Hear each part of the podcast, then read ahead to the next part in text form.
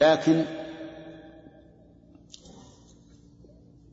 الذي يتبين به المعنى أن نقول قوله في يوم كان مقداره. انتبهوا. هل هو متعلق بتعرج أو متعلق بعذاب؟ بواقع. ها؟ نقول بواقع. يعني واقع في هذا اليوم. سأل سائل بعذاب واقع للكافرين في هذا اليوم. في يوم كان مقداره خمسين ألف سنة. وتعرج الملائكة والروح تبع لقوله ذي المعارج. وانقطع الكلام بها. وحتى لو قلنا إن قوله في يوم متعلق بتعرج فإنه لا يتعين به ما ذهب إليه ابن القيم. لأنه من الجائز. تعرج الملائكة وروح إليه في ذلك اليوم يعني يوم القيامة. ممكن. في المعارج تعرج الملائكة والروح إلى الله في ذلك اليوم. ولا مانع. فإن الملائكة في ذلك اليوم قد تعرج إلى الله عز وجل بما شاء الله. وعلى كل تقدير فإن ما ذهب إليه ابن القيم رحمه الله يدل على أن الإنسان مهما بلغ في العلم فإنه لا يخلو من من الخطأ فيما نرى والعلم عند الله يقول فانظر فاليوم بالتفسير فاليوم بالتفسير أولى من عذاب واقع للقرب والجيران ويكون ذكر عروجهم في هذه الدنيا ويوم قيامة الأبدان فن... نعم ويكون ذكر عروجهم عروج من؟ عروج الملائكة في هذه الدنيا ويوم قيامة الأبدان. ولكن نقول له رحمه الله أين في الآية أنها تعرج في الدنيا إلى الله في يوم كان مقداره خمسين ألف سنة؟ نعم. أين هذا؟ إذا جعلنا في يوم كان مقداره خمسين ألف سنة متعلق بتعرج لازم أن يكون العروج متى؟ إذا قلنا إن قوله في يوم كان مقداره خمسين ألف سنة متعلق بتعرج فمتى يكون العروج؟ يوم القيامة. مفهوم؟ فكيف يقول رحمه الله إن, إن ذكر عروجهم في هذه الدنيا ويوم قيامة الأبدان؟ يعني الله لم يذكر أنهم يعرجون في هذه الدنيا خمسين ألف سنة. والذي في سورة الإفلام تنزل السجدة ما الذي يعرج؟ الأمر. ما هو الملائكة؟ ولا ولا ذكر ذكرت الملائكة إطلاقا. يدبر الأمر من السماء إلى الأرض ثم يعرج إليه. ويكون ذكر عروجهم في هذه الدنيا ويوم قيامة الأبدان يعني إنها إن عروجهم في الدنيا ويوم القيامة خمسين ألف سنة. فنزولهم أيضا هنالك ثابت. كنزولهم أيضا هنا للشان. نعم. نزولهم عروجهم فنزولهم أيضا هنالك الإشارة, إلى إلى يوم القيامة. ثابت لأنه ثبت أن الملائكة تنزل من السماء كما قال تعالى وجاء ربك والملك صفا صفا. كنزولهم أيضا هنا في الدنيا للشأن. كما قال تعالى في نزولهم في الدنيا تنزل الملائكة والروح فيها. ونزول هذا ونزول ويزول هذا وعروجهم بعد القضاء كعروجهم أيضا هنا فلهم إذا شانان. عروجهم يوم القيامة بعد القضاء. قضاء إيش؟ يعني بعد أن يقضي الله تعالى بين الخلائق والملائكة الصفوف وينتهي الأمر تعرج الملائكة. كما قال تعالى وترى الملائكة حافين من حول العرش يسبحون بحمد ربهم وقضي بينهم بالحق. وقيل الحمد لله رب العالمين. و وعروجهم بعد القضاء يعني بعد القضاء بين العباد كعروجهم أيضا هنا. هم يعرجون هنا. نعم الملائكة يعرجون من الأرض إلى السماء ومن ذلك الملائكة الموكلون بحفظ الإنسان. فإنه فإن الإنسان ملائكة موكلين به في الليل وملائكة في النهار. إذا جاء ملائكة النهار عرجت ملائكة الليل وإذا جاءت ملائكة الليل عرجت ملائكة النهار.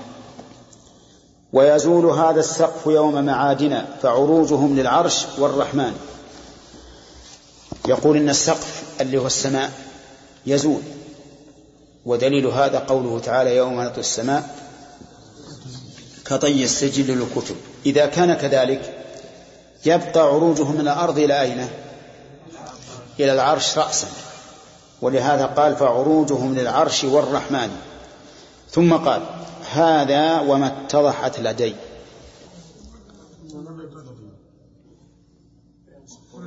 أكثر النسخ معكم وما اتضحت. كذا؟ نعم. لكن فيه نسخة وعليها شرح ابن عيسى رحمه الله. وهذا وما نضجت لدي. والنضج بمعنى الكمال. ومنه نضجت اللحمة ونضج الطعام. يعني كمل واستوى كأن المؤلف رحمه الله في النهاية شك في الأمر. وقال إنها ما نضجت والحقيقة أن أن هذه تعتبر مرتبة ثانية بعد أن بحث وناقش رحمه الله في النهاية تردد. فعندنا الآن ثلاث مقامات. جزم بأن اليومين واحد. جزم بأن اليومين مختلفان. تردد كما في حال ابن القيم أخيرا. والصواب الجزم بأنهما يومان. والسياقان لا يتفقان أصلا. يختلفان في العدد هذا ألف وهذا خمسون. يختلفان في الذي يعرج في ألف لام تنزل السجدة الذي يعرج الأمر. وهذا الذي تعرج الملائكة. ثالثا يشهد للذي في سأل الحديث الصحيح. أن المراد بذلك يوم إيش؟ يوم القيامة يوم المعاد. فإذا كان كذلك فكيف يشكل الأمر؟ فالصواب المقطوع به أن ما ذكر في ألف لام ميم تنزيل السجدة هو يوم في الدنيا. أي أن الله يدبر أمره من السماء الدنيا إلى الأرض ثم يعرج إليه. نعم. في, في يوم كان مقداره ألف سنة. خمسمائة للنزول وخمسمائة للعروج. وانتهى الأمر. في يوم القيامة يعذب الكافرون أو يقع بهم العذاب في يوم كان مقداره خمسين ألف سنة. وإن شئت فقل تعرج الملائكة والروح إلى الله في ذلك اليوم الذي مقداره خمسون ألف سنة. ولا مانع. أن يكون لهم عروج في ذلك اليوم. لكن مع ذلك نحن نرى أن الذي في سورة ألف لام ميم تنزيل السجدة هو مقدار المسافة. المسافة ما بين الأرض والسماء. وأن ما في سورة المعارج هو مقدار الزمن. يعني أن اليوم طويل. لا أن المساحة كبيرة بل اليوم طويل. مقداره خمسين ألف سنة ثم بعد ذلك يقضى ينتهي كل شيء ويؤول أهل الجنة إلى الجنة وأهل النار إلى النار. قال هذا وما نضجت لدي وعلمها الموكول بعد أي بعد ما ناقشها هذه المناقشة لمنزل القرآن. ثم قال وأعوذ بالرحمن من جزم بلا علم. نعم. استعاذ بالله من أن يجزم بأحد القولين بلا علم. وهذا هو الواجب على كل مسلم. كل مؤمن إذا كان عنده تردد في الأمر لا يجوز أن يجزم به.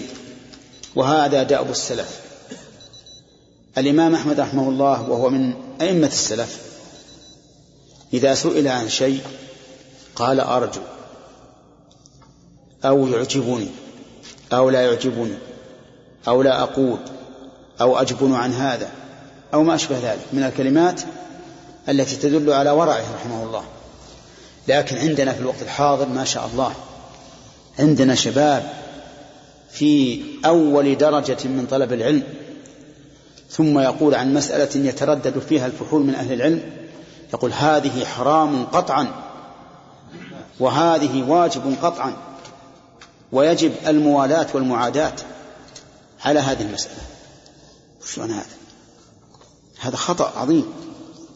الواجب أن الإنسان يتأدب مع الله لأن الذي يفتي أو يقول يتكلم عن من؟ عن الله عن شريعة الله. العلماء ورثة الأنبياء وخلفاء الأنبياء. فيجب أن يتأنى ولا يجزم بالشيء إلا بعلم. ولهذا أعوذ بالله من جزم بلا علم. الجزم لا بد له من علم. ما يكفي الظن لا بد من علم. ولكن الإنسان بشر قد لا يستوعب الأدلة وقد لا يستوعب فهمها. ففي مثل هذه الحال يقول هذا فيما أعلم هذا في غالب ظني. وما أشبه ذلك. أما أن يجزم بلا علم ويكون بضاعته من العلم مزجاة لم يعرف إلا حديثا أو حديثين أو تفسير آية أو آيتين ثم يقول على لسان حاله أنا ابن جلا وطلاع الثنايا. هذا ليس بصحيح. الواجب أن الإنسان يتأدب في شرع الله عز وجل ونسأل الله أن يجعلنا كذلك. قال وأعوذ بالرحمن من جزم بلا علم وهذا غاية الإمكان. جزاه الله خيرا. يعني هذا غاية ما تمكنت منه. عرضت عليك البحث والمناقشة وأنا مع ذلك لم تنضج عندي ولم تتضح لي. ثم قال والله أعلم بالمراد بقوله ورسوله المبعوث بالفرقان. الله أعلم. الله أعلم بالمراد بقوله. صحيح والله الله أعلم. ولهذا نجد أن المحرفين لكلام الله عن ظاهره نجد أنهم ادعوا لأنفسهم أنهم أعلم بالله من الله. فمثلا قالوا ليس لله عين مع أن الله قال تجري بأعيننا ليس لله يد مع أن الله قال لما خلقته بيدي. ليس لله وجه مع أن الله قال ويبقى وجه ربك ذو الجلال والإكرام. وهلم جرة نقول الله أعلم أم أنتم أعلم؟ إن قالوا نحن فيا ويلهم. وإن قالوا الله أعلم كن نلزم ما, ما أخبر الله به. لا تتعدون. وقوله ورسوله المبعوث بالفرقان لماذا لم يقل بالقرآن؟ لأن المقام الآن مقام فرق وتفريق. فكان ذكر الفرقان أولى من ذكر القرآن. ولا شك أن الفرقان أن القرآن فرقان. قال الله تبارك وتعالى تبارك الذي نزل الفرقان على عبده ليكون للعالم نذيرا. وقال الله عز وجل شهر رمضان الذي أنزل فيه القرآن هدى للناس وبينات من الهدى والفرقان. فالقرآن فرقان. والله لو تمسكنا به ورجعنا إليه ما بقي عندنا مشكلة. لكن المشكل من الإعراض الذي هو التقصير أو من عدم الآلة الذي هو القصور.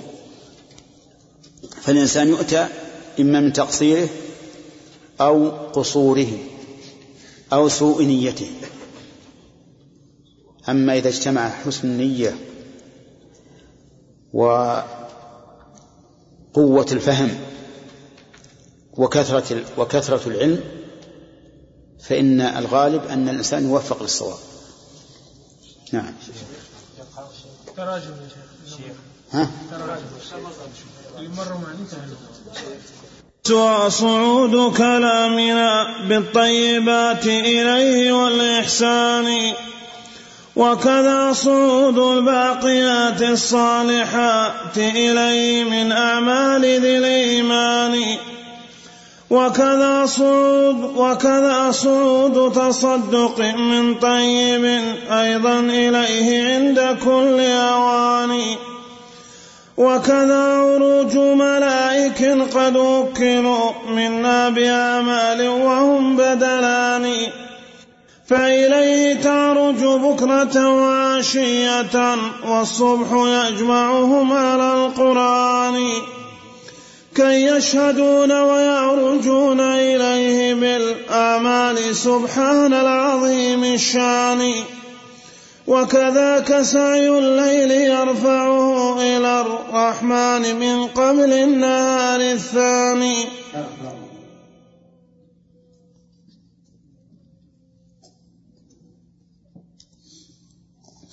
وكذاك سعي الليل ترفعه إلى الرحمن من قبل النهار الثاني. وكذاك سعي اليوم يرفعه له من قبل ليل حافظ الإنسان وكذاك معراج الرسول إليه حق ثابت ما فيه من نكران. بل جاوز الصبا الطباق وقد دنا منه إلى أن قدرت قوسان. بل عاد من موسى إليه صاعدا خمسا عداد الفرض بالحسبان وكذاك رفع الروح عيسى المرتضى حقا إليه جاء في القرآن. وكذاك تصعد روح كل مصدق لما تفوز بفرقة الأبدان. حقا إليه كي تفوز بقربي وتعود يوم العرض للجثمان. وكذا دعاء المضطر أيضا صاعد أبدا إليه عند كل أوان. وكذا دعاء المظلوم أيضا صاعد حقا إليه قاطع الأكوان. الله أكبر. هذا الفصل ذكر المؤلف رحمه الله تعالى من أنواع أدلة العلو صعود الأشياء إلى الله عز وجل. صعود الأشياء إلى الله. والصعود إلى الشيء يدل على علوه لأن الصعود يكون من أسفل إلى أعلى. فإذا أضاف الله الشيء إلى نفسه صاعدا علم أن الله تعالى في العلو. ذكر أولا صعود كلامنا بالطيبات إليه والإحسان. قال الله تعالى إليه يصعد الكلم الطيب والعمل الصالح يرفعه. الكلم الطيب كل ما طاب وضده الكلم الخبيث. فالذكر وقراءة القرآن والأمر بالمعروف والنهي عن المنكر وتعليم العلم الشرعي كل هذا من الكلم الطيب والسب والشتم واللعن والقذف وما أشبهه من الكلم الخبيث. قال وكذا صعود الباقيات الصالحات إليه من أعمال ذي الإيمان. الباقيات الصالحات هي كل عمل صالح. قال الله تعالى المال والبنون زينة الحياة الدنيا والباقيات الصالحات خير عند ربك ثوابا وخير أملا. فالباقيات الصالحات كل الأعمال الصالحة. يدخل في ذلك الذكر والصوم والحج والصلاة وغير ذلك. يقول المؤلف إنها ترفع إلى الله. لقوله والعمل الصالح يرفعه. من يرفعه؟ الله عز وجل. فيصعد الكلم الطيب والعمل الصالح يرفعه الله إليه فيقبله. وكذا صعود تصدق من طيب أيضا إليه عند كل أوان. التصدق من الطيب أي من الكسب الطيب. يأخذه الله عز وجل بيمينه ويربيه كما يربي الإنسان فلوة حتى يكون عدل التمرة مثل الجبل. هذا إذا تصدق من طيب. أما إذا تصدق من غير طيب فإن الله لا يقبله كما قال النبي عليه الصلاة والسلام إن الله طيب لا يقبل إلا الطيب. وكذا عروج ملائك قد وكلوا منا بأعمال وهم بدلان. أشار إليه النبي عليه الصلاة والسلام في قوله يتعاقب فيكم ملائكة بالليل وملائكة بالنهار. فإليه تعرج هذه الملائكة تعرج بكرة وعشية والصبح يجمعهم على القرآن. كي يشهدون. ولهذا قال تعالى إن قرآن الفجر كان مشهودا يجتمع في صلاة الصبح ملائكة الليل وملائكة النهار ثم يصعد ملائكة الليل ويبقى ملائكة النهار. ولهذا قال كي يشهدون ويعرجون إليه بالأعمال سبحان العظيم الشان. وهذا من عظمة الله عز وجل. أن هؤلاء الملائكة الموكلون بحفظ بني آدم يتعاقبون فيه بانتظام عند صلاة الصبح وعند صلاة العصر ولهذا ينبغي للإنسان أن يستحضر هذا أن يستحضر وهو يصلي الفجر أن الملائكة الموكلين بحفظ بني آدم مجتمعون في هذه الصلاة. وكذلك عند صلاة العصر. لكننا والله نغفل كثيرا حتى تمر بنا هاتان الصلاتان وكأنهما بقية الصلوات. وهذا أمر سببه الغفلة الغفلة عن هذه الأمور العظيمة. وإلا فإنك لو استحضرت هذا لوجدت لهاتين الصلاتين شأنا كبيرا لا تجده في غيرهما. لو استحضرت وأن تصلي الفجر أن الملائكة الآن ملائكة الليل وملائكة النهار شاهدون معك في هذه الصلاة؟ أمر عظيم. وكذلك في العصر. قال وكذاك سعي الليل ترفعه إلى الرحمن من قبل النهار الثاني. وكذاك سعي اليوم ترفعه له من قبل ليل حافظ حافظ الإنسان. أو حافظ الإنسان. هذا في فيه الملائكة السابقون ملائكة يحفظون الإنسان. وفيه ملائكة أخرى تحفظ عمل كل إنسان بنفسه عن اليمين وعن الشمال قعيد. كل هؤلاء يرفعون ما كتبوا إلى الله عز وجل. وكذاك معراج الرسول إليه حق ثابت ما فيه من نكران معراج الرسول إلى الله عز وجل. وذلك ليلة الإسراء. وكان في ربيع الأول على المشهور قبل الهجرة بنحو ثلاث سنوات. عرج بالنبي عليه الصلاة والسلام إلى السماوات السبع ببدنه وروحه. عرج إليه بالبدن والروح. ليس بالروح فقط لو كان بالروح فقط. ما أنكره قريش. ما أنكره قريش. لأن لأن المنامات لا تنكر لكنه عرج, عرج به بجسده وروحه صلى الله عليه وسلم. أولا أسري به من المسجد الحرام من الحجر الذي هو الحطيم. عرج به من هناك آه، أسري به من هناك على البراق. بصحبة جبريل عليهما السلام. البراق هذا دون البغل وفوق الحمار دابة عجيبة. يضع خطوه عند منتهى طرفه. الخطوة مد بصره هو وبصره قوي بلا شك. يعني آه، طيران. ولذلك وصل إلى بيت المقدس وصلى بالأنبياء عليهم الصلاة والسلام وعرج به جبريل إلى السماوات. سبحان الله. ليلة واحدة يا جماعة. مسافات عظيمة لا يعلمها إلا الله وكان هذا في ليلة واحدة. يستفتح جبريل ويقال من معك؟ هل أرسل إليه؟ إذا أخبره من معه فيقول نعم. ومر على الأنبياء. والملائكة والرسل في كل سماء حتى وصل إلى السماء السابعة إلى سدرة المنتهى التي سمع فيها صريف الأقلام. الأقلام التي تكتب ما يكون في اليوم والليلة سمعه النبي عليه الصلاة والسلام. وصل إلى مكان ما وصل إليه بشر.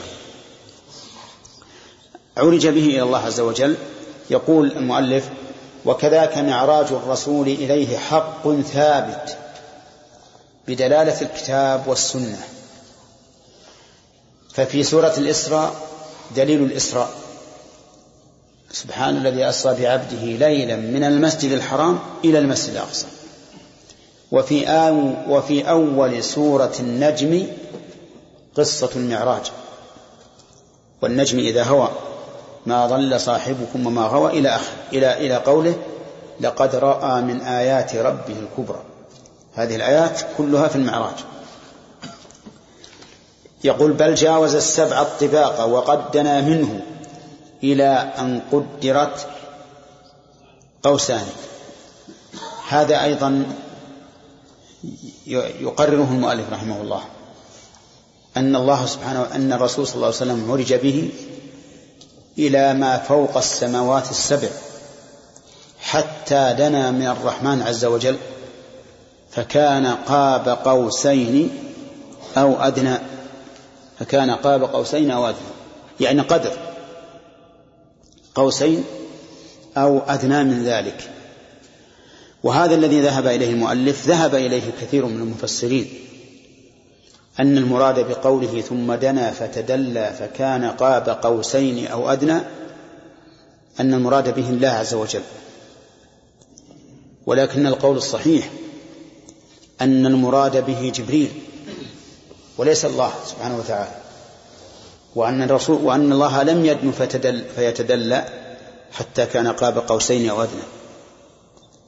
لأن الله تعالى قد ثبت له العلو المطلق والتدلي ضد العلو. أما الدنو فليس ضد العلو. لكن التدلي مأخوذ من من الدلو إذا هبط في البئر. هذا ينافي العلو. ولهذا المؤلف ذكر في هذه النونية هذا القول الذي مشى عليه وذكر في موضع آخر في التبيان في أقسام القرآن أن, المر... أن الذي دنا فتدلى هو جبريل وهذا هو الصحيح بل هو المتعين وسياق الآيات يدل عليه. لكن لا شك أن الرسول صلى الله عليه وسلم عرج به إلى الله حتى جاوز السبع الطباق كما قال المؤلف. بل بل عاد من موسى إليه صاعدا خمسا عداد الفرض في الحسبان عاد من موسى إلى الله. لأن الرسول صلى الله عليه وسلم فرض الله عليه خمس خمسين صلاة. خمسين صلاة. فقبل ورضي وأسلم لله ظاهرا وباطنا. ولما نزل إلى جبريل إلى الأرض مر بموسى وكان موسى عليه الصلاة والسلام قد غبط النبي عليه الصلاة والسلام. على ما أعطاه الله من الفضائل. فقال له ما الذي فرض الله عليك وعلى أمتك؟ قال فرض علي خمسين صلاة في كل يوم وليلة. قال لا إن أمتك لا تطيق ذلك. إني قد جربت الناس وعالجت بني إسرائيل أشد المعالجة. فاذهب إلى ربك فاسأله التخفيف لأمتك. وهذا من توفيق الله عز وجل. لا فرضها لا لا في فرضها خمسين ولا في تنبيه موسى للرسول عليه الصلاة والسلام. فرجع إلى الله صعد من موسى إلى الله. لأن موسى في أي السماوات؟ في, في السماء السادسة. رجع إلى الله عز وجل وما زال يتردد بين موسى وبين الله حتى صارت خمسا بالفعل وخمسين في الميزان. الحمد لله. خمسين في الميزان على أن الحسنة بعشر أمثالها؟ لا. لأنه لو كان كذلك لم يكن للصلوات مزية. لكن خمسين في الميزان على أننا نصلي خمسين بالفعل. ما هو بالثواب؟ لأن الثواب كل الحسنة هكذا. الحسنة بعشر أمثالها. فالخمس بخمسين. لكن المراد أنها خمس في الميزان أي أننا نعطى أجر خمسين صلاة. وهذه والحمد لله من نعمة الله. أن الله عز وجل خفف عنا وأعطانا ما فرضه علينا أولا. قال وكذاك رفع الروح عيسى المرتضى. حقا إليه جاء في القرآن. وين؟ بل رفعه الله إليه. إذ قال الله يا عيسى إني متوفيك ورافعك إلي ومطهرك من الذين كفروا. فبهذا دليل على أن الله في العلو. وكذاك تصعد روح كل مصدق لما تفوز بفرقة الأبدان. نعم. تصعد روح كل مصدق يعني مؤمن. تصعد إلى الله وتخرق السماوات حتى تصل إلى الله عز وجل.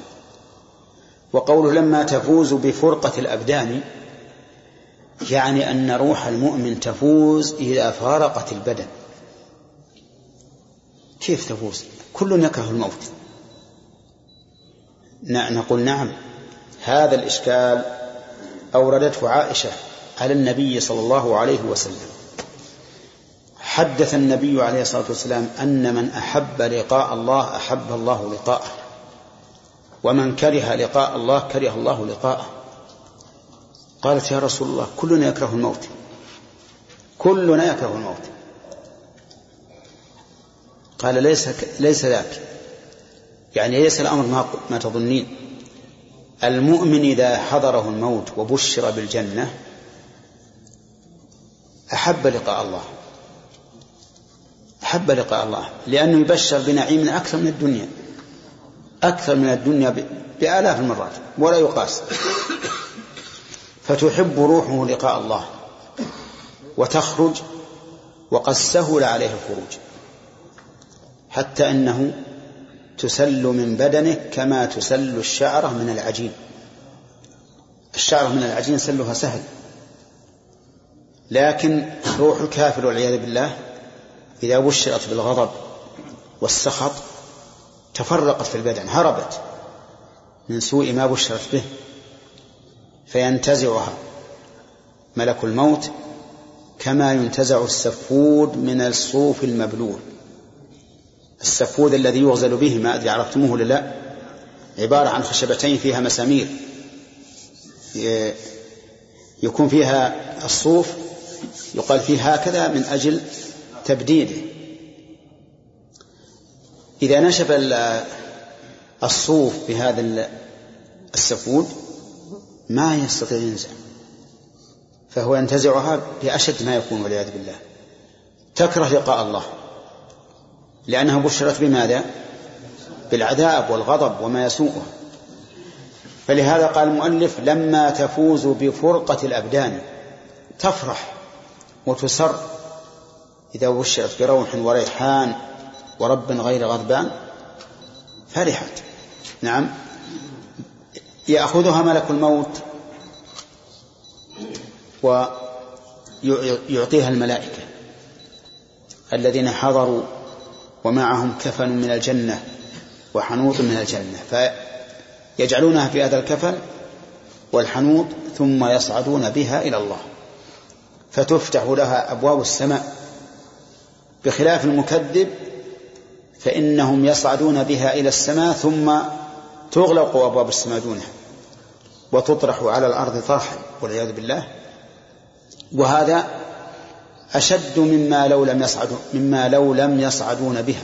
لا أشد مما لو لم يصعدوا بها. لأنها لو بقيت في الأرض كان أهون مما يصعد بها إلى السماء ثم ترد من هناك. أليس كذلك؟ طيب. إذا روح المؤمن اللهم اجعلنا وإياكم منهم. هذه تفوز إذا فارقت البدن. لأنها تنتقل إلى خير مما انتقلت منه. حقا إليه كي تفوز بقربه وتعود يوم العرض للجثمان. تفوز بقربه لأنها في الجنة تسرح في أنهارها وأشجارها. هناك فإذا كان يوم القيامة ونفخ في الصور خرجت أرواح المؤمنين من هذا الصور وعليها نور حتى تكون في الأبدان. تحل بالأبدان حلولا أبديا. ما عاد تخرج من هذا بعد. يقول وتعود يوم العرض للجثمان.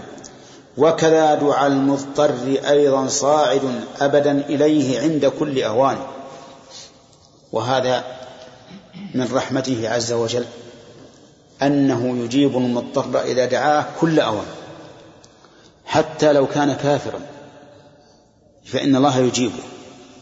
لأن رحمة الله سبقت غضبه. والدليل على هذا على أن الكافر يجاب دعوته عند الضرورة. قول الله تعالى أمن يجيب المضطر إذا دعاه. ولم يقل المؤمن بل جعل سبب, الدعاء سبب الإجابة الاضطرار ومثال واقعي أنهم إذا إذا كانوا في الفلك وهاجت بهم الأمواج. دعوا الله مخلصين له الدين فينجيهم. ينجيهم مع أنه يعلم أنهم سيشركون. فلما نجاهم إلى البر إذا هم يشركون.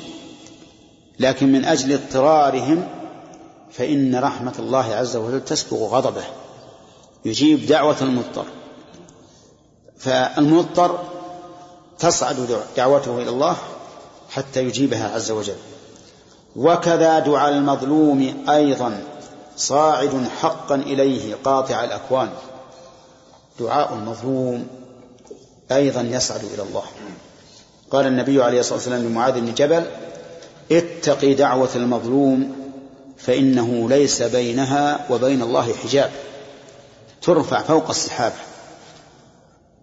ويجيب الله تعالى دعاءه. حتى وإن كان كافرا. المظلوم وإن كان كافرا فإن الله تعالى يجيب دعاءه لماذا؟ لا لأن الله يحبه لكن لأن الله يحب العدل والإنصاف.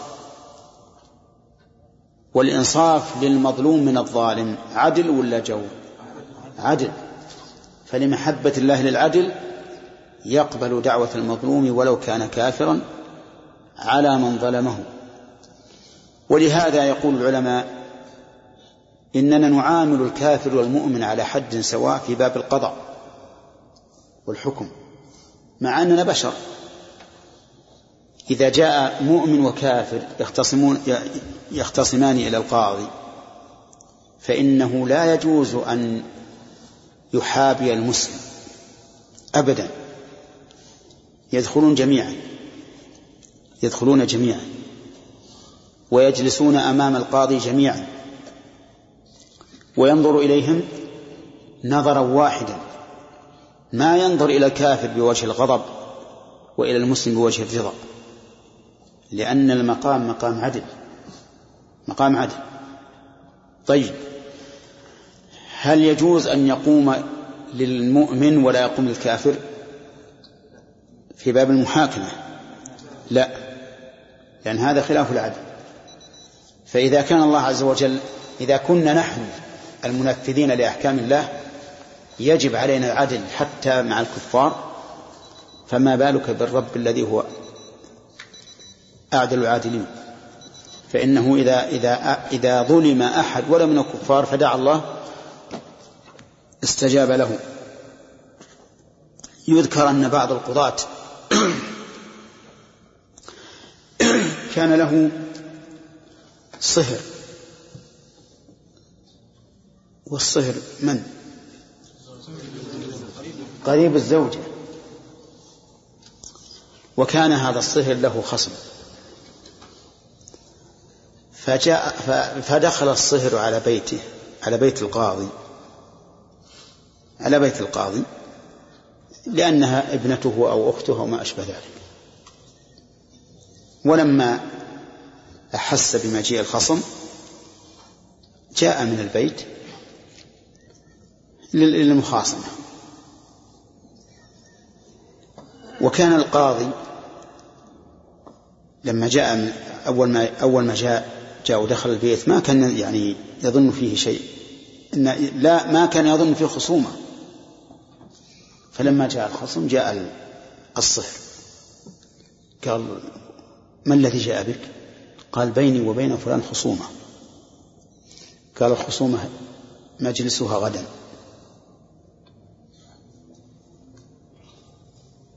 فاهمين؟ ها؟ أه؟ مجلسها غدا. يعني ما هو باليوم لما جيت من بيتي من داخل البيت تقول بتخاصم أنا وفلان غدا جيت أنت وياه ودخلوا الجميع وأقضي بينكم. نعم؟ وهكذا يجب.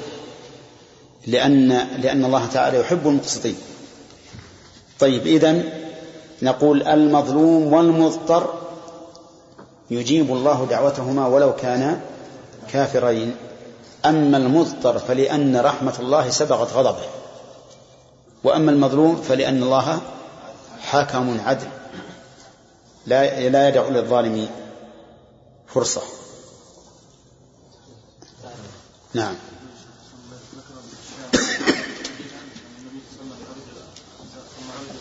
نعم. نعم. نعم.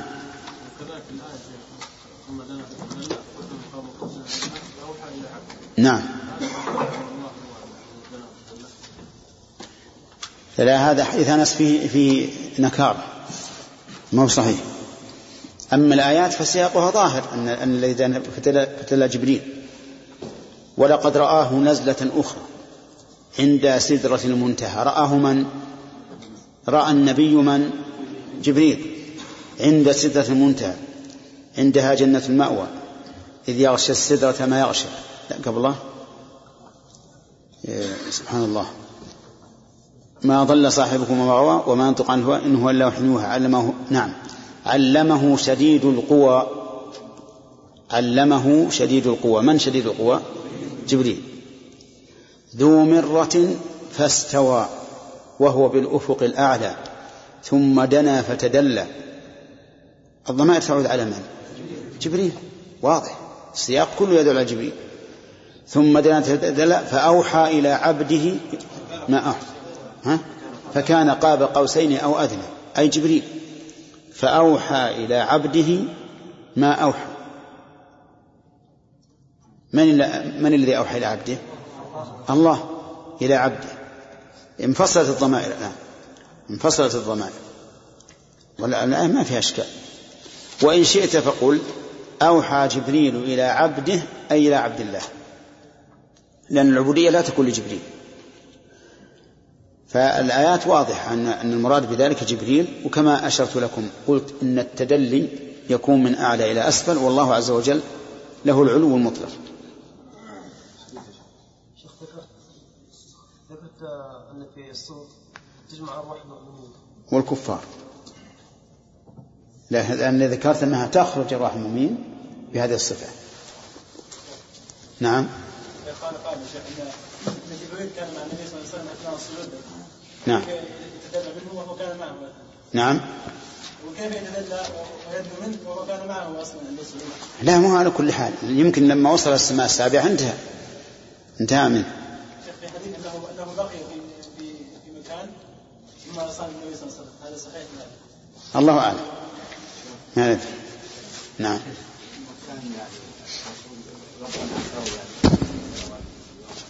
إيه؟ ما ذكر شيء. ما ما ذكر ما في الحديث شيء. نزل حتى مر بموسى. نعم. قول ابن إسحاق. نعم. يعني المسافات. إنها تختلف مع الوحي. في ركب البراق الرسول صلى الله عليه وسلم. والمسافة الذين يمشونها المشركين كانت تعرف نعم. فما يدل على إن المسافة تختلف لا لا هذه لو ما قاله اسحاق نحن نعرف. الآن رحلة الرياض بالطيارة نصف ساعة. رح بالسيارة ثلاث ساعات. رح على حمار. لا أكثر. كانوا يروحون على الإبل عشرة أيام. إلى ثمانية. نعم. يدل على المسافة أن أنهم يوم واحد خمسين ألف سنة كما استدل ابن القيم لا لا أبدا. إحنا بينا لكم أمس أن ابن القيم رحمه الله في هذا لم يعني يصب ومع ذلك في النهاية توقف تردد كيف يرجح قول وما يتبعه؟ يرجح قول وما ليش؟ دائما الإنسان الحفظة وكذلك معراج الرسول وكذلك روح رفع الروح هذا في القرآن. صعود الروح عند القبر. ودعاء المضطر ودعاء المظلوم نعم.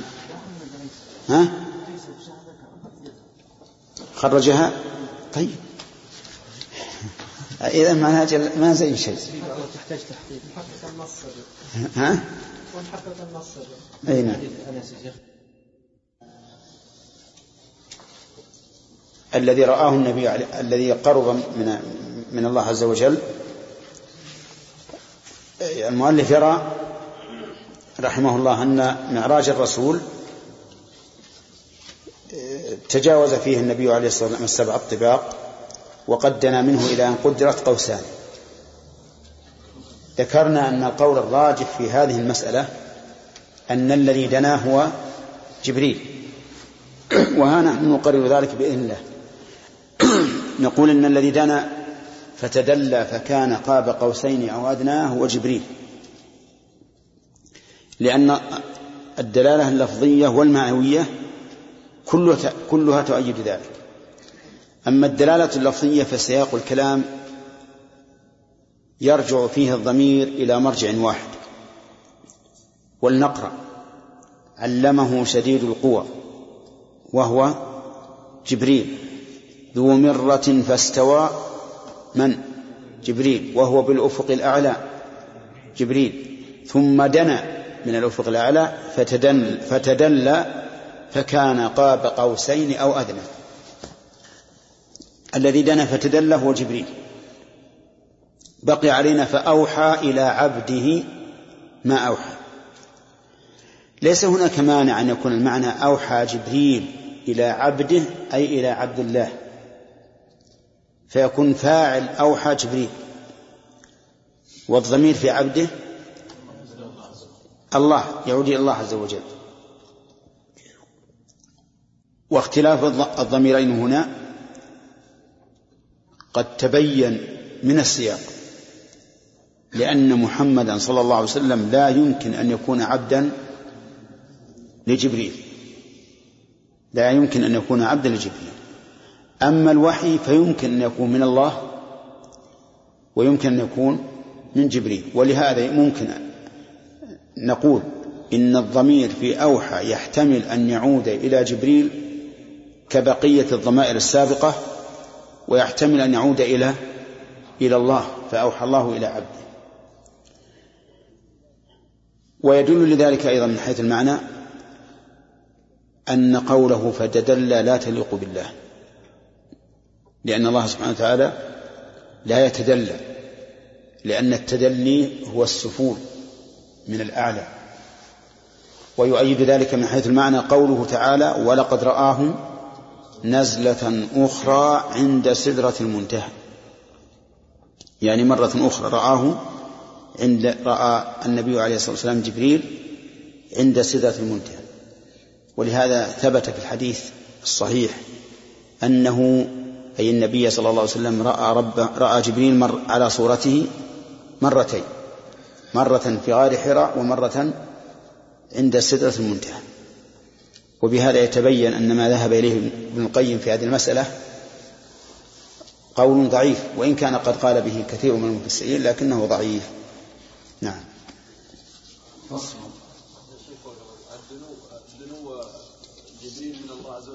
من محمد من محمد. نعم. لأنه قال فتدلى له دين من الله تعالى يقول فصاعد.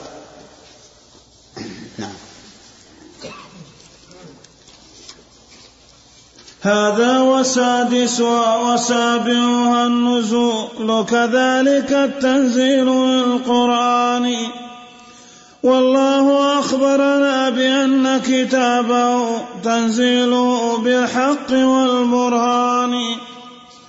أيكون تنزيلا وليس كلام من فوق العباد أذاك ذو إمكان؟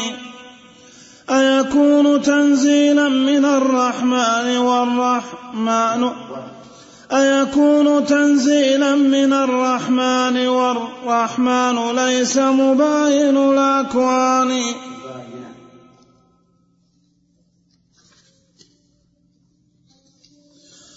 أيكون تنزيلا من الرحمن والرحمن؟ ليس مباين الأكوان.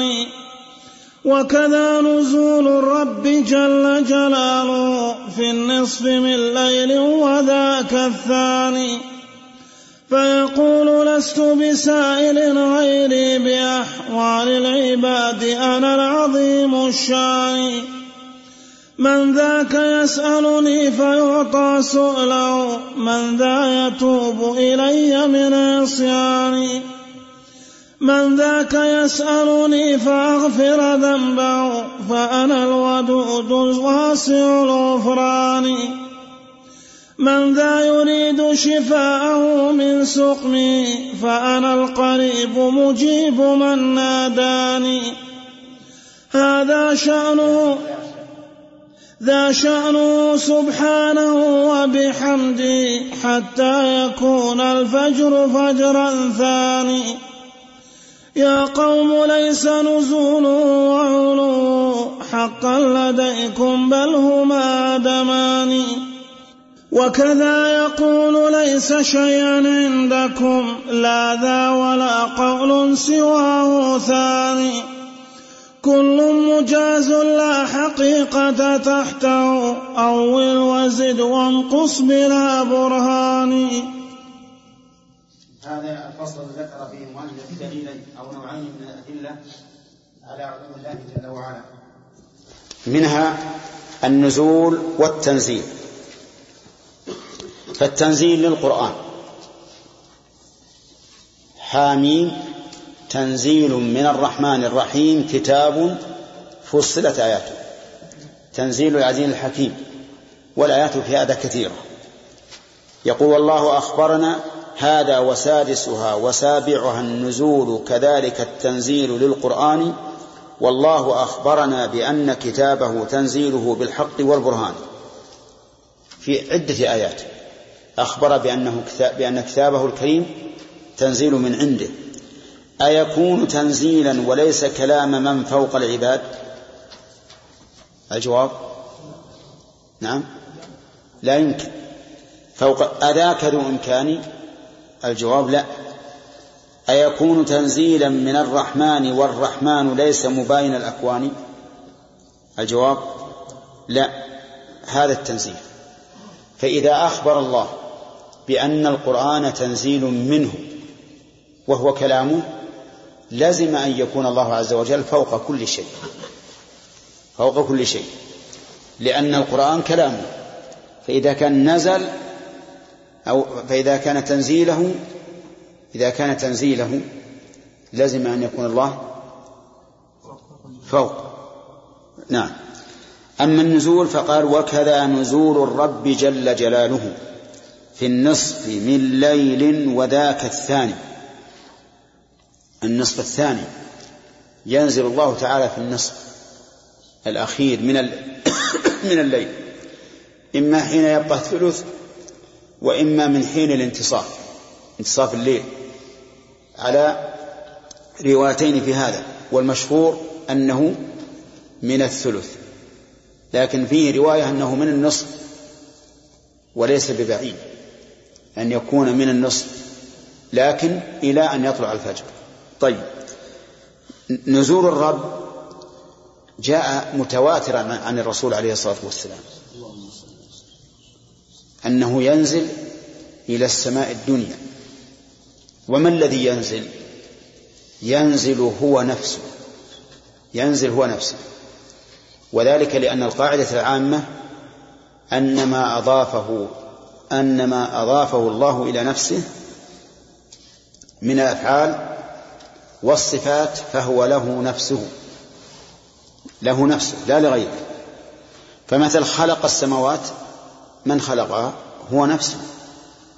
أنزل من السماء من الذي أنزل؟ هو نفسه. استوى على العرش هو نفسه. وهلم جرا كل فعل أضافه الله إلى نفسه فهو له نفسه لا يعود إلى غيره.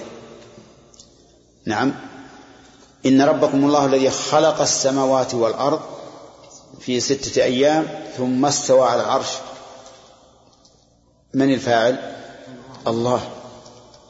فهو الخالق وهو المستوي. وكذلك كل الضمائر في أي آية من القرآن. فإذا كان النبي عليه الصلاة والسلام يقول ينزل ربنا من النازل؟ الله لا غيره. ولا يجوز أن نقول إن النازل غيره أبدا. لأننا إذا قلنا إن النازل غيره فقد قدمنا بين يدي الله ورسوله. وقد قال الله تعالى يا أيها الذين آمنوا لا تقدموا بين يدي الله ورسوله. فإذا كان الله ينزل فإن جميع اللغات تقتضي أن النزول إنما يكون من من أعلى من أعلى إلى إلى إلى ما دونه. ولكن يبقى علينا أن نعلم أن نزول الله عز وجل لا يستلزم أن لا يكون عاليا فوق الخلق. هو نازل إلى السماء الدنيا وعال فوق الخلق كما أنه قريب مع العباد وعال فوق عرشه. حتى قال الرسول عليه الصلاة والسلام إن الذي تدعونه أقرب إلى أحدكم من عنق راحلته. وهو أين مكانه؟ فوق كل شيء. هو معنا أيضا وهو فوق كل شيء. ينزل إلى السماء الدنيا وهو فوق كل شيء فوق السماوات السبع. فوق العرش ونقول إنه نازل إلى السماء الدنيا. قد تقول إن هذا غير معقول. كيف يكون فوق كل شيء وهو نازل إلى السماء الدنيا؟ نقول هذا غير معقول بالنسبة للمخلوق الذي تحيط به الأفلاك. أما بالنسبة للخالق المحيط بكل شيء فإنه معقول ومنقول. لأن الله ليس كمثله شيء. وأنت إذا حاولت أن تقيس صفات الله بصفاتك فاعلم أنك ستضل إما بالتحريف وإما بالتمثيل. ولا بد كل إنسان حطوها قاعدة عندكم يريد أن يقيس صفات الخالق عز وجل بصفاته فسيضل قطعا. بإيش؟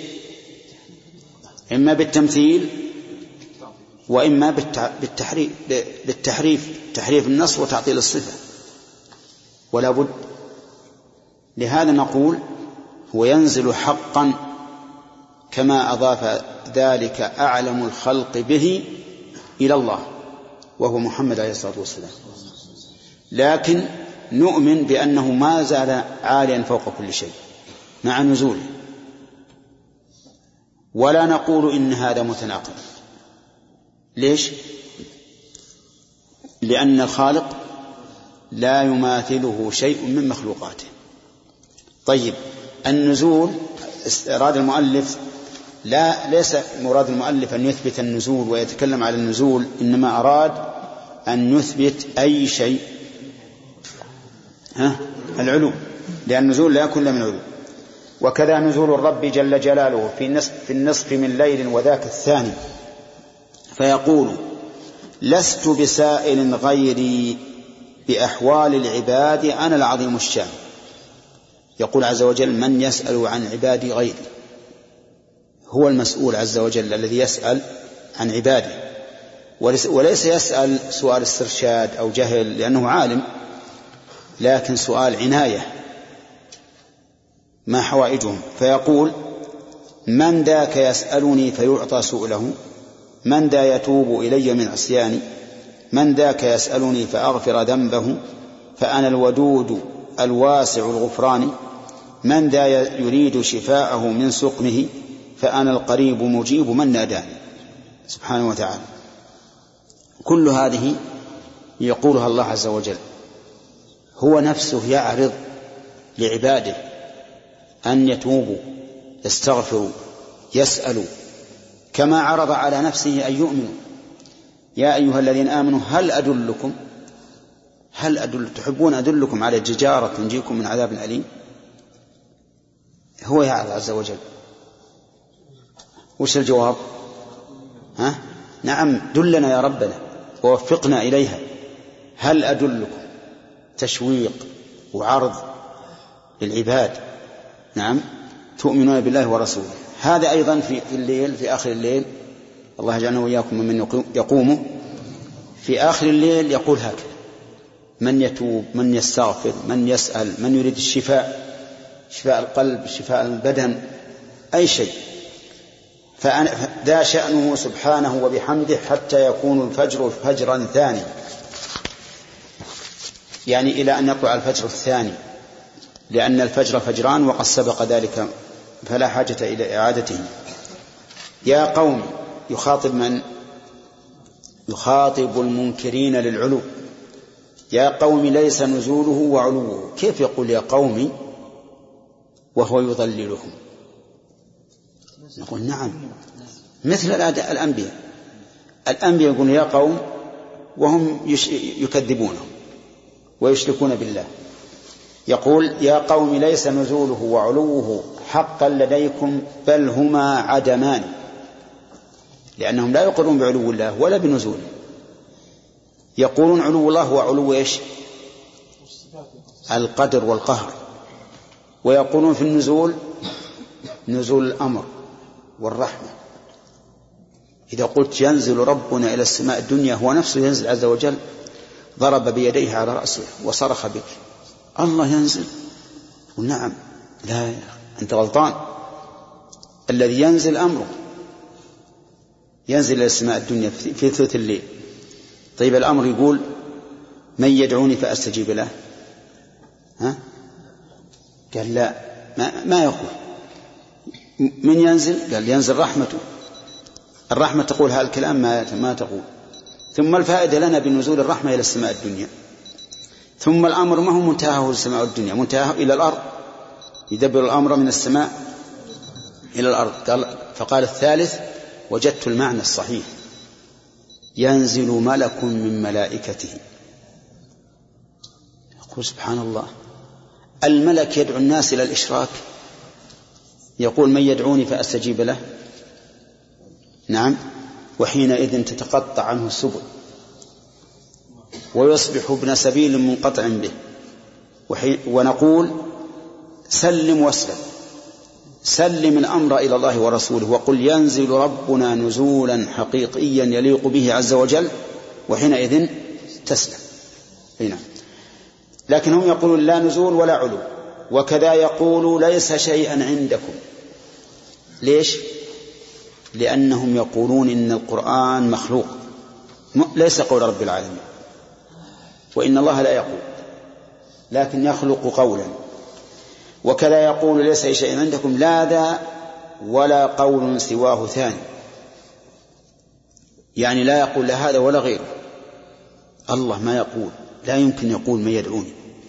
وإنما يخلق صوتا يسمع كل مجاز لا حقيقة تحته أول أول وزد وانقص بلا برهان. يتهكم بهم. يقول أول والتأويل بالنسبة للمعطلة حقيقته التحريف. زد وانقص. يقول ينزل ربنا ينزل أمر ربنا. هذا زاد. انقص يعني يمكن يجي تأتي صفة ينقصه يقول هذا زائد. هذا زائد. ويبقى وجه ربك بعضهم قال ويبقى ربك. ويبقى ربك وجه وش يسوي قال هذه صلة؟ تحاشى أن يقول زائد في القرآن وهي زيادة لفظية وجسر أن يقول زائد زيادة معنوية. اللهم اهدنا فيما هديت. نعم.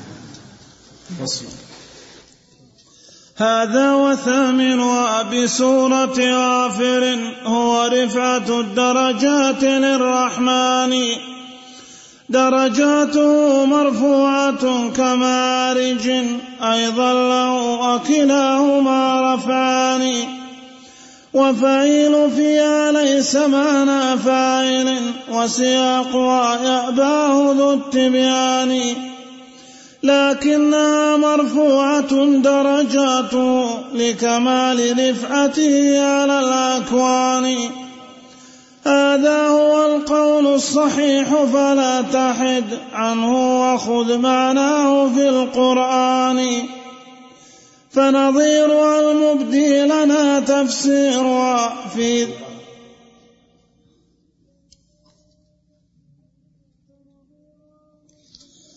فنظيرها المبدي لنا تفسيرا في ذي المعارج ليس يفترقان. والروح والأملاك تصعد في معارجه إليه جل ذو السلطان. ذا رفعة الدرجات حقا ما هما إلا سواء أو هما شبهان. فخذ الكتاب ببعضه بعضا كذا تفسير أهل العلم للقرآن. هذا النوع التاسع الثامن من أدلة علو الله عز وجل وهو ما جاء في سورة غافر في قوله تعالى رفيع الدرجات ذو العرش رفيع الدرجات ذو العرش. يلقي الروح من أمره على من يشاء من عباده. فهذه رفيع واضح أنها صفة مشبهة أنها صفة مشبهة. يعني أن درجاته رفيعة عز وجل. فالوصف هنا عائد إلى من؟ إلى الله عز وجل. إلى الله. لكن بعض الناس قال رفيع الدرجات أي رافع الدرجات. فجعل رفيعا جعلها صيغة مبالغة مضافة إلى المفعول أي رافع الدرجات. والصواب المقطوع به أنها صفة مشبهة مضافة إلى الفاعل. كما تقول زيد جميل الظاهر طيب القلب. يعني جميل ظاهره طيب قلبه. فهكذا رفيع الدرجات صفة مشبهة مضافة يا محمد. السلام. إلى من؟ مضافة إلى الفاعل ولا المفعول؟ ها؟ إلى الفاعل إلى الفاعل أما من فسرها بأن رفيع بمعنى رافع وجعله مضافا إلى المفعول به فهذا خطأ ويدل على ذلك ما أشار إليه ابن القيم رحمه الله بأن القرآن يفسر بعضه بعضا وقد قال الله تعالى في سورة السألة ليس له دافع من الله ذي المعارج. ذي المعارج تعرج الملائكة والروح. فذي المعارج يعني صاحب المعارج. هي بمعنى رفيع الدرجات سواء بسواء أو شبها بشبه. ويؤيد ذلك أيضا أنه قال عز وجل رفيع الدرجات ذو العرش أي صاحب العرش ومعلوم أن العرش أعلى المخلوقات.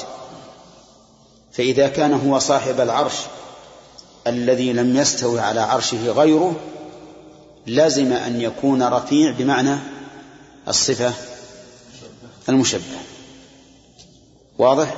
إذن فتفسير الآية من الآية ومن الآية الثانية التي في سورة المعارج. استمع إلى كلامه رحمه الله. ودرجاته مرفوعة كمعارج أيضا له. وين المعارج له؟ قوله في سأل ذي المعارج. وكلاهما رفعان. وفعيل فيها ليس معنى فاعل. هذا رد لقول من قال إنها بمعنى رافع الدرجات. فعيل فيها ليس معنى فاعل. وسياقها يأباه ذو التبيان. يعني يأباه صاحب التبيان. يعني يمنعه. لأن من قرأ الآية عرف تماما أن الوصف يعود فيها إلى من؟ إلى الله سبحانه وتعالى أنه هو نفسه رفيع الدرجات. لكنها مرفوعة درجاته لكمال رفعته على الأكوان. هذا هو القول الصحيح. فلا تحد عنه وخذ معناه في القرآن فنظيرها المبدي لنا تفسيرها يعني الذي يظهر لنا تفسيرها. ما هو؟ في ذي المعارج يعني كائن في ذي المعارج. ليس يفترقان والروح والأملاك تصعد في معارجه إليه جل ذو السلطان. الروح من؟ قلنا إنها جبريل أو أرواح أهل العلم والإيمان. طيب. ذا رفعة الدرجات حقا. ذا رفعة الدرجات المذكورة في قوله رفيع الدرجات. ما هما إلا سواء أو هما شبهان. هما الضمير يعود على رفيع الدرجات وذي المعارج. فخذ الكتاب. ببعضه بعضا كذا تفسير أهل العلم للقرآن. اللهم اجعلنا منهم. أحسن التفسير تفسير القرآن بالقرآن لا شك. ووجه ذلك أن القرآن تكلم به واحد. فإذا فسر المتكلم كلامه بعضه ببعض صار أدرى به من غيره. صح؟ هذا واضح. فإذا لم نجد تفسير القرآن بالقرآن رجعنا إلى أعلم الخلق بالقرآن وهو النبي صلى الله عليه وسلم. رجعنا إلى تفسير النبي عليه الصلاة والسلام ولا يمكن أن نحيد عنه. ففي قوله تعالى للذين أحسنوا الحسنى وزيادة فسرها النبي صلى الله عليه وسلم بأنها النظر إلى وجه الله. ما نحيد عن هذا لأن الرسول فسرها. أعدوا لهم ما استطعتم من قوة. قال ألا إن القوة الرمي. نقف على هذا. القوة هي الرمي. ولذلك الآن حتى حتى في الوقت الحديث في أساليب الحرب المتطورة الرمي هو هو السلاح الفعال. القنابل الصواريخ من فوق أو من جنب كلها هي السلاح. أشد من الدبابات. واضح؟ القوة الرمي. إذا لم نجد في السنة فمن أعلم الناس بتفسير القرآن فيما يتعلق بالعبادات؟ ها؟ الصحابة لا شك. لا شك أنهم أعلم الناس فيما يتعلق بالعبادات من, غي من غيره أعلم الناس في تفسير القرآن. فنرجع إلى أقوال الصحابة. فإن اختلفوا على قولين طلبنا المرجح. بعد ذلك اختلف العلماء. هل نأخذ بأقوال التابعين أو لا؟ فمنهم من قال لا نأخذ بأقوال التابعين لأن التابعين ما شاهدوا الوحي حين نزوله ولا كانوا مع الرسول عليه الصلاة والسلام. حتى نقول فهموا من الرسول معنى الآية وعبروا عنه بألسنتهم. فهم كغيرهم. ومنهم من فصل وقال من عرف عنه أنه تلقى التفسير من الصحابة فإننا نرجع إلى تفسيره. مثل مجاهد تلقى عن ابن عباس. ومن لا فهو كغيره. لكن يجب أن نعلم قاعدة مهمة وهي أنه كلما كان الناس أقرب إلى زمن النبوة كانوا أقرب إلى الصواب فيما يتعلق بالعقائد والعبادات. انتبهوا هذه شيء معروف ولهذا قال الرسول صلى الله عليه وسلم خير الناس قرني ثم الذين يلونهم ثم الذين يلونهم وهذا شيء مشاهد لأن القريبين من عهد النبوة ليس بينهم وبين النبوة وسائط إلا وسائط قليلة. التابعون كم بينهم وبين الرسول؟ واسطة واحدة. تابع التابعين واسطتان. تابع تابع التابعين ثلاث وهلم جرا ثم إنه من بعد القرون المفضلة كثرت الفتن والأهواء وصارت بضاعة كثير من الناس قليلة بالنسبة للعلوم الشرعية. فالمؤلف يقول رحمه الله خذ الكتاب ببعضه بعضا كذا تفسير أهل العلم والإيمان. ها؟ أهل العلم للقرآن نعم. أهل العلم للقرآن هذا أهل العلم للقرآن وهم المفسرون يفسرون الكتاب بعضه ببعض. وهذا هو الواجب لأن القرآن المتكلم به واحد فهو أعلم بما أراد في كلامه.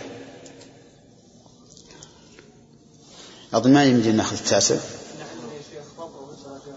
ها؟ إيه. لا ذا رفعة.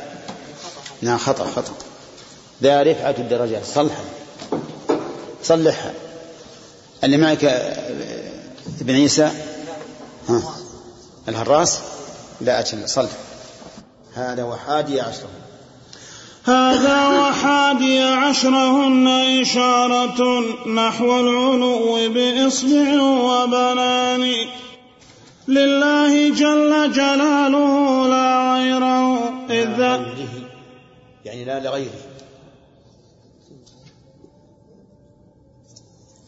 لله جل جلاله لا غيري إذ ذاك إشراك من الإنسان. ولقد أشار رسوله في مجمع الحج العظيم بموقف الغفران نحو السماء بأصبع قد كرمت مستشهدا للواحد الرحمن. يا رب فاشهد أنني بلغتهم ويشير نحوهم لقصد بياني. فغدا البيان مرفعا ومصوبا. فغدا البنان مرفعا ومصوبا. صلى عليك الله ذو الغفران. أديت ثم نصحت إذ بلغتنا حق البلاغ الواجب الشكران. هذا بسم الله الرحمن الرحيم. هذا الفصل أراد به المؤلف رحمه الله أن يبين الدليل الحادي عشر على علو الله سبحانه وتعالى وذلك بالدلالة الفعلية من رسول الله صلى الله عليه وسلم حيث خطب الناس يوم عرفة في حجة الوداع. في ذلك المجمع الذي لم يوجد في الإسلام أكثر جمعا منه.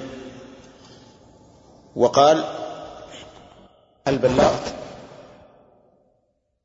قال اللهم اشهد يشير إلى السماء وينكت بأصبعه إلى الناس.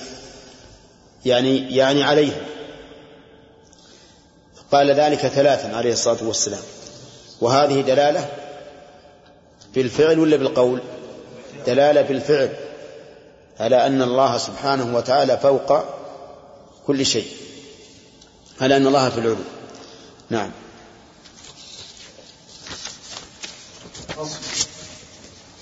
هذا وثاني عشرها وصف الظهور له كما قد جاء في القرآن.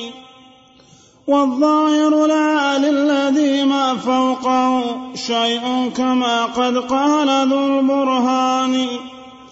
حقا رسول الله ذا تفسير ولقد رواه مسلم بضمان.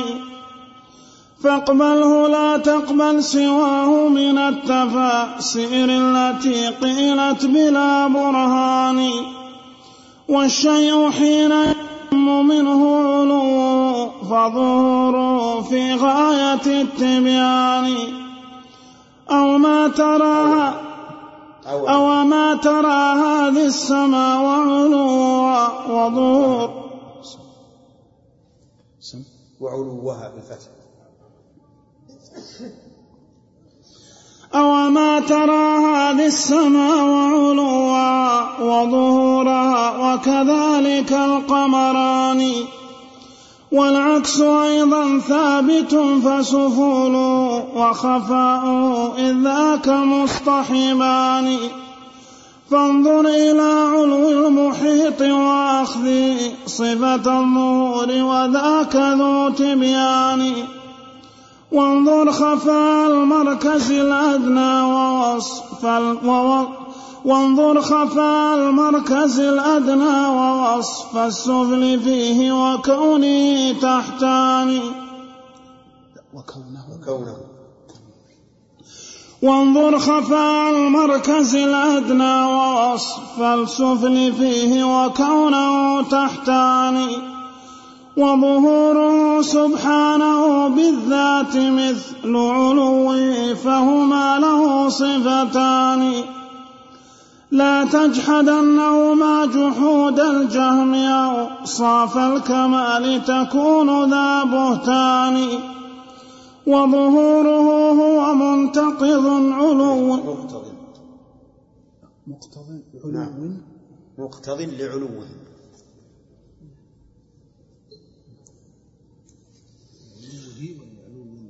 لعلوه. وظهوره هو مقتضي العلو وعلوه لظهوره ببيان. وكذاك قد دخلت هناك الفاء للتسبيب مؤذنة بهذا الشأن. وكذاك قد دخلت هناك الفاء للتسبيب مؤذنة وكذاك قد دخلت هناك الفاء للتسبيب مؤذنة بهذا الشان.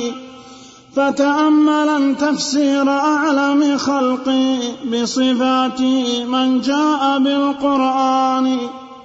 إذ قال أنت كذا فليس لضدي أبدا إليك تطرق الإتيان. هذا أيضا من الأدلة على علو الله عز وجل. وهو المستفاد من اسمه الظاهر. قال الله تعالى هو الأول والآخر والظاهر والباطن. تفسير الظاهر فسره أهل التعطيل المنكرون للعلو بأنه الظاهر بآياته يعني الذي يعرف بآياته. فجعلوا الظهور ظهورا إيش؟ معنويا ولكن ولكن أعلم الخلق بالله فسره على خلاف ذلك. فقال أنت الظاهر فليس فوقك شيء. وأتى بالفاء الدالة على التفريع يعني أنت فوق كل شيء فليس فوقك شيء. وقال الباطن فليس دونك شيء. هم عندهم أن الباطن هو ما لطف حتى لا يكون حتى لم يكن له جسم والعياذ بالله. فوصف الله بأنه لا شيء. ولكن نقول إن معنى ليس دونك شيء أي أنك محيط بكل شيء فلا يحول دونك شيء. وعلى هذا فنقول الظاهر معنى العالي وكلما علا فقد ظهر. كلما علا فقد ظهر. انظر إلى النجوم في السماء. ظاهرة. لماذا؟ لعلوها. لو كانت في الأرض ما أحد القمران الشمس والقمر ظاهرتان لعلوهما. ظهر الحيوان لماذا كان ظهرا؟ لأنه أعلى ما فيه. فإذا الظاهر هو الذي ليس فوقه شيء. نعم. فصل. هذا وثالث عشرها إخبار أنا نراه بجنة الحيوان. فسل المعطل هل نرى من تحتنا؟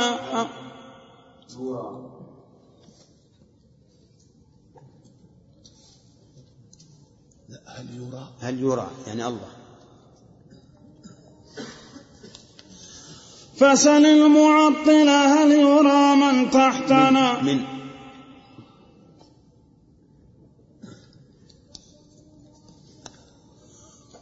فسل المعطلة هل يرى من تحتنا. أم عن شم تحتنا. ما في مثلا نسخة النقدة ونصحها ما خالف ما يضر. المعلوم ها؟ هنا البيت عندنا كله على البناء للمعلوم لا غلط غلط. كله للآخر اي آه، نشوف. اللي عندنا الشطر الثاني هذا آه، البيت الثاني. هل يرى؟ فسل المعطلة هل يرى من تحتنا أم عن شمائلنا وعن أيمان أم خلفنا وأمامنا سبحانه أم هل نرى من فوقنا ببيان؟ عندي هل يرى؟ بدل نرى. من فوق.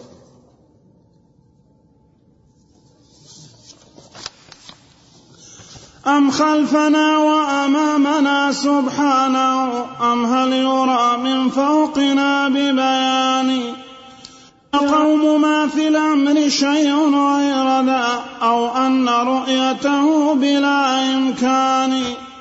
إذ رؤية لا في مقابلة من الرائي محال ليس في الإمكان. من ادعى شيئا سوى ذا كان دعواه مكابرة على الأذهان. ولذا ويكون فوق العرش جل جلاله فلذاك نحن وحزبهم خصمان. لكننا سلم وأنتم إذ تساعدنا على نفي العلو لربنا الرحمن. فعلو عين المعنى قلنا ساعد في طول.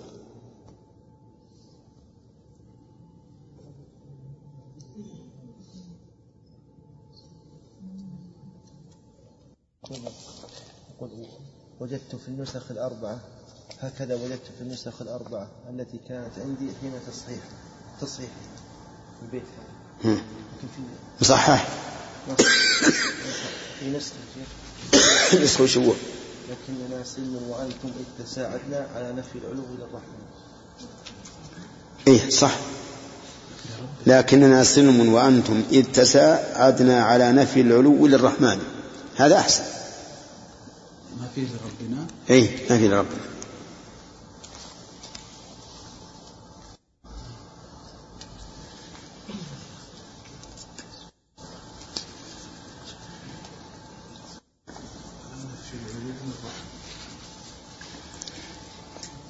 على نفي العلو الرحمن. للرحمن.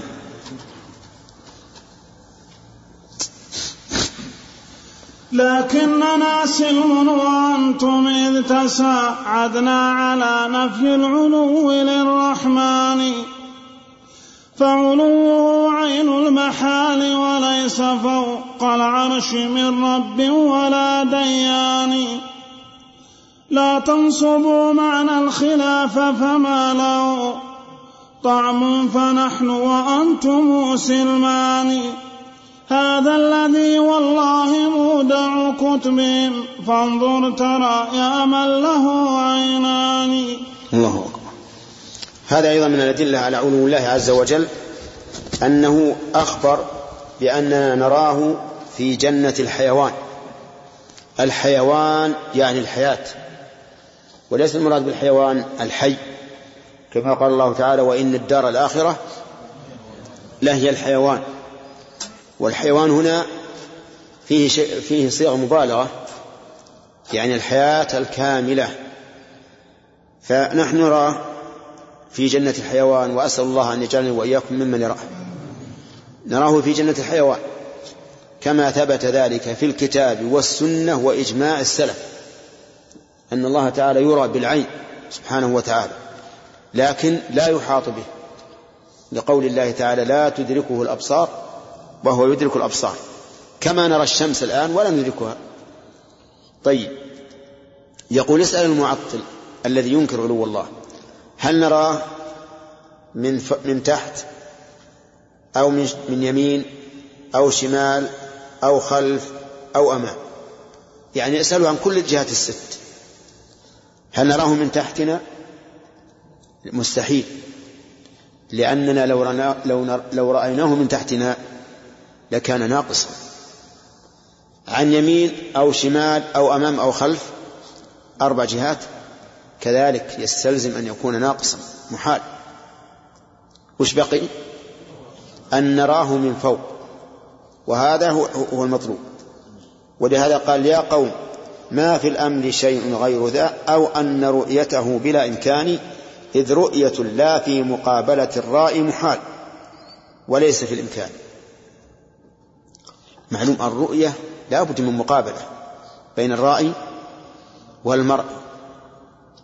لا بد من مقابلة. فأنتم إن قلتم يقابل من أسفل تنقصتم الله. من يمين أو شمال أو أمام أو خلف كذلك تنقصتم الله بإقراركم. فلم يبق إلا أن يرى من فوق. وهذا هو المطلوب. ثم قال إن, إن المحقق منكم قال للمعتزلة وهو الآن يتكلم مع الأشاعرة قال للمعتزلة إنه لا فرق بيننا وبينكم. دعونا نكون نكن إخوانا سلما فيما بيننا حربا على المجسم الذي يثبت أن الله يرى بعيان شدوا بأجمعنا لنحمل حملة تذر المجسم في أذل هوانه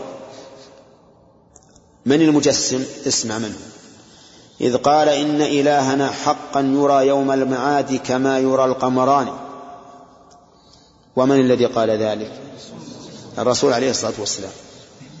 فهو على زعمهم مجسم وهم حرب عليه. نعوذ بالله.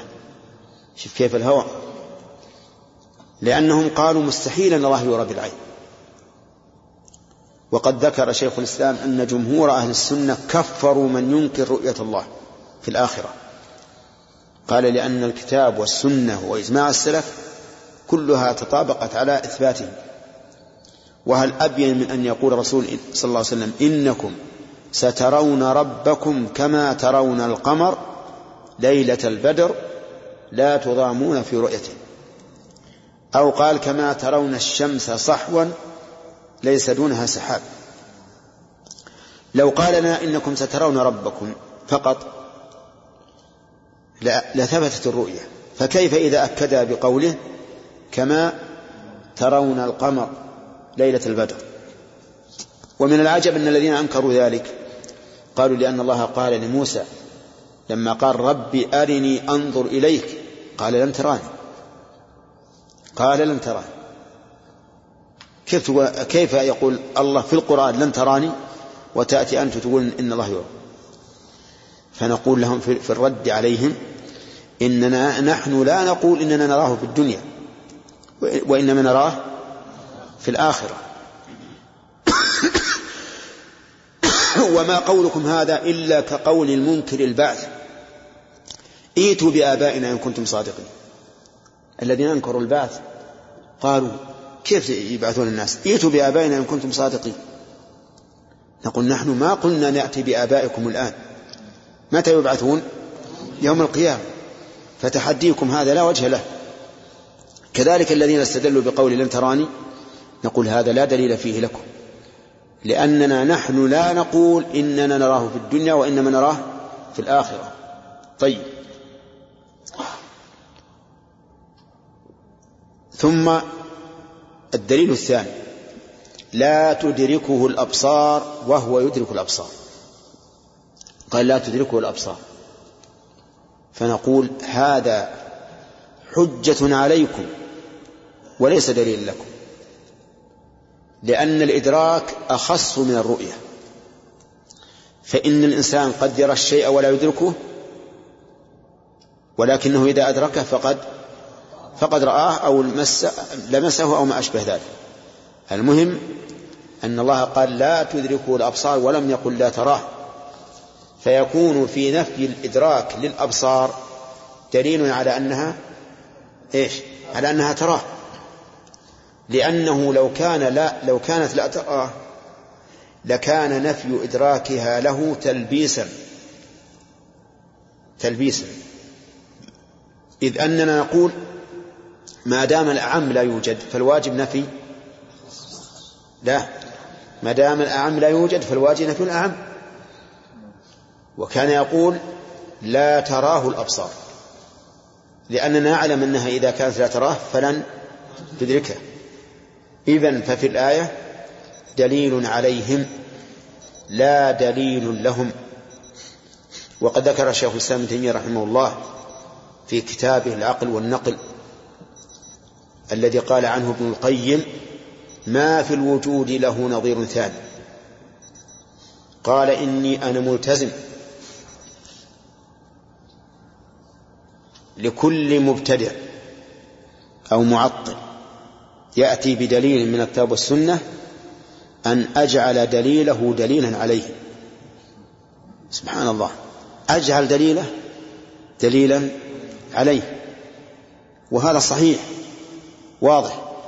لأن هذا المبطل لم يستدل بها بالنص إلا وهو يجد فيه رائحة. يشم منه رائحة. لما, لما يريد. لكنه ليست الرائحة التي يتعطر بها.